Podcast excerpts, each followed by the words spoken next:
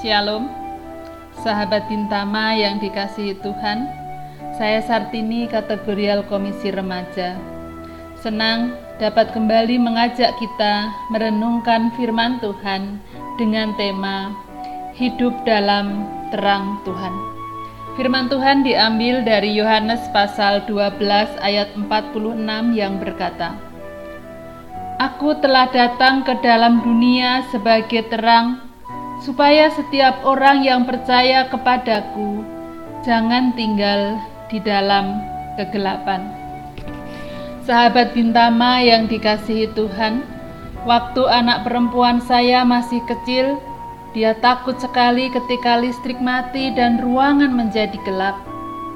Kegelapan sangat menakutkan. Demikian hidup dalam kegelapan dosa sangatlah menakutkan.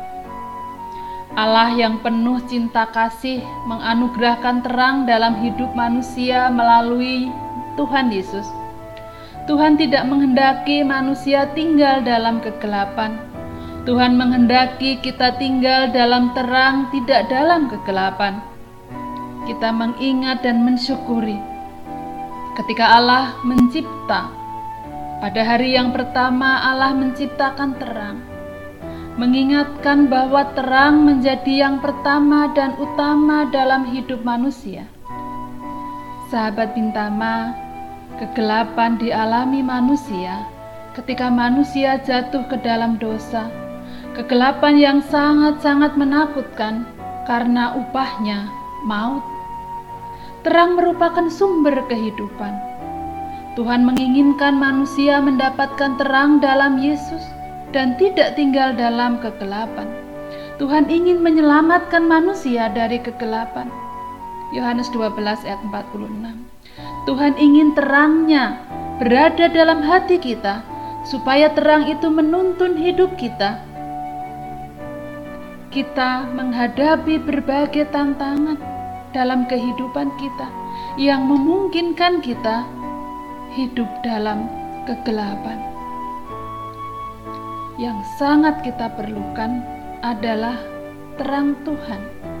Tanpa tuntunan terang Tuhan, kita tidak mungkin berjalan dalam kebenaran.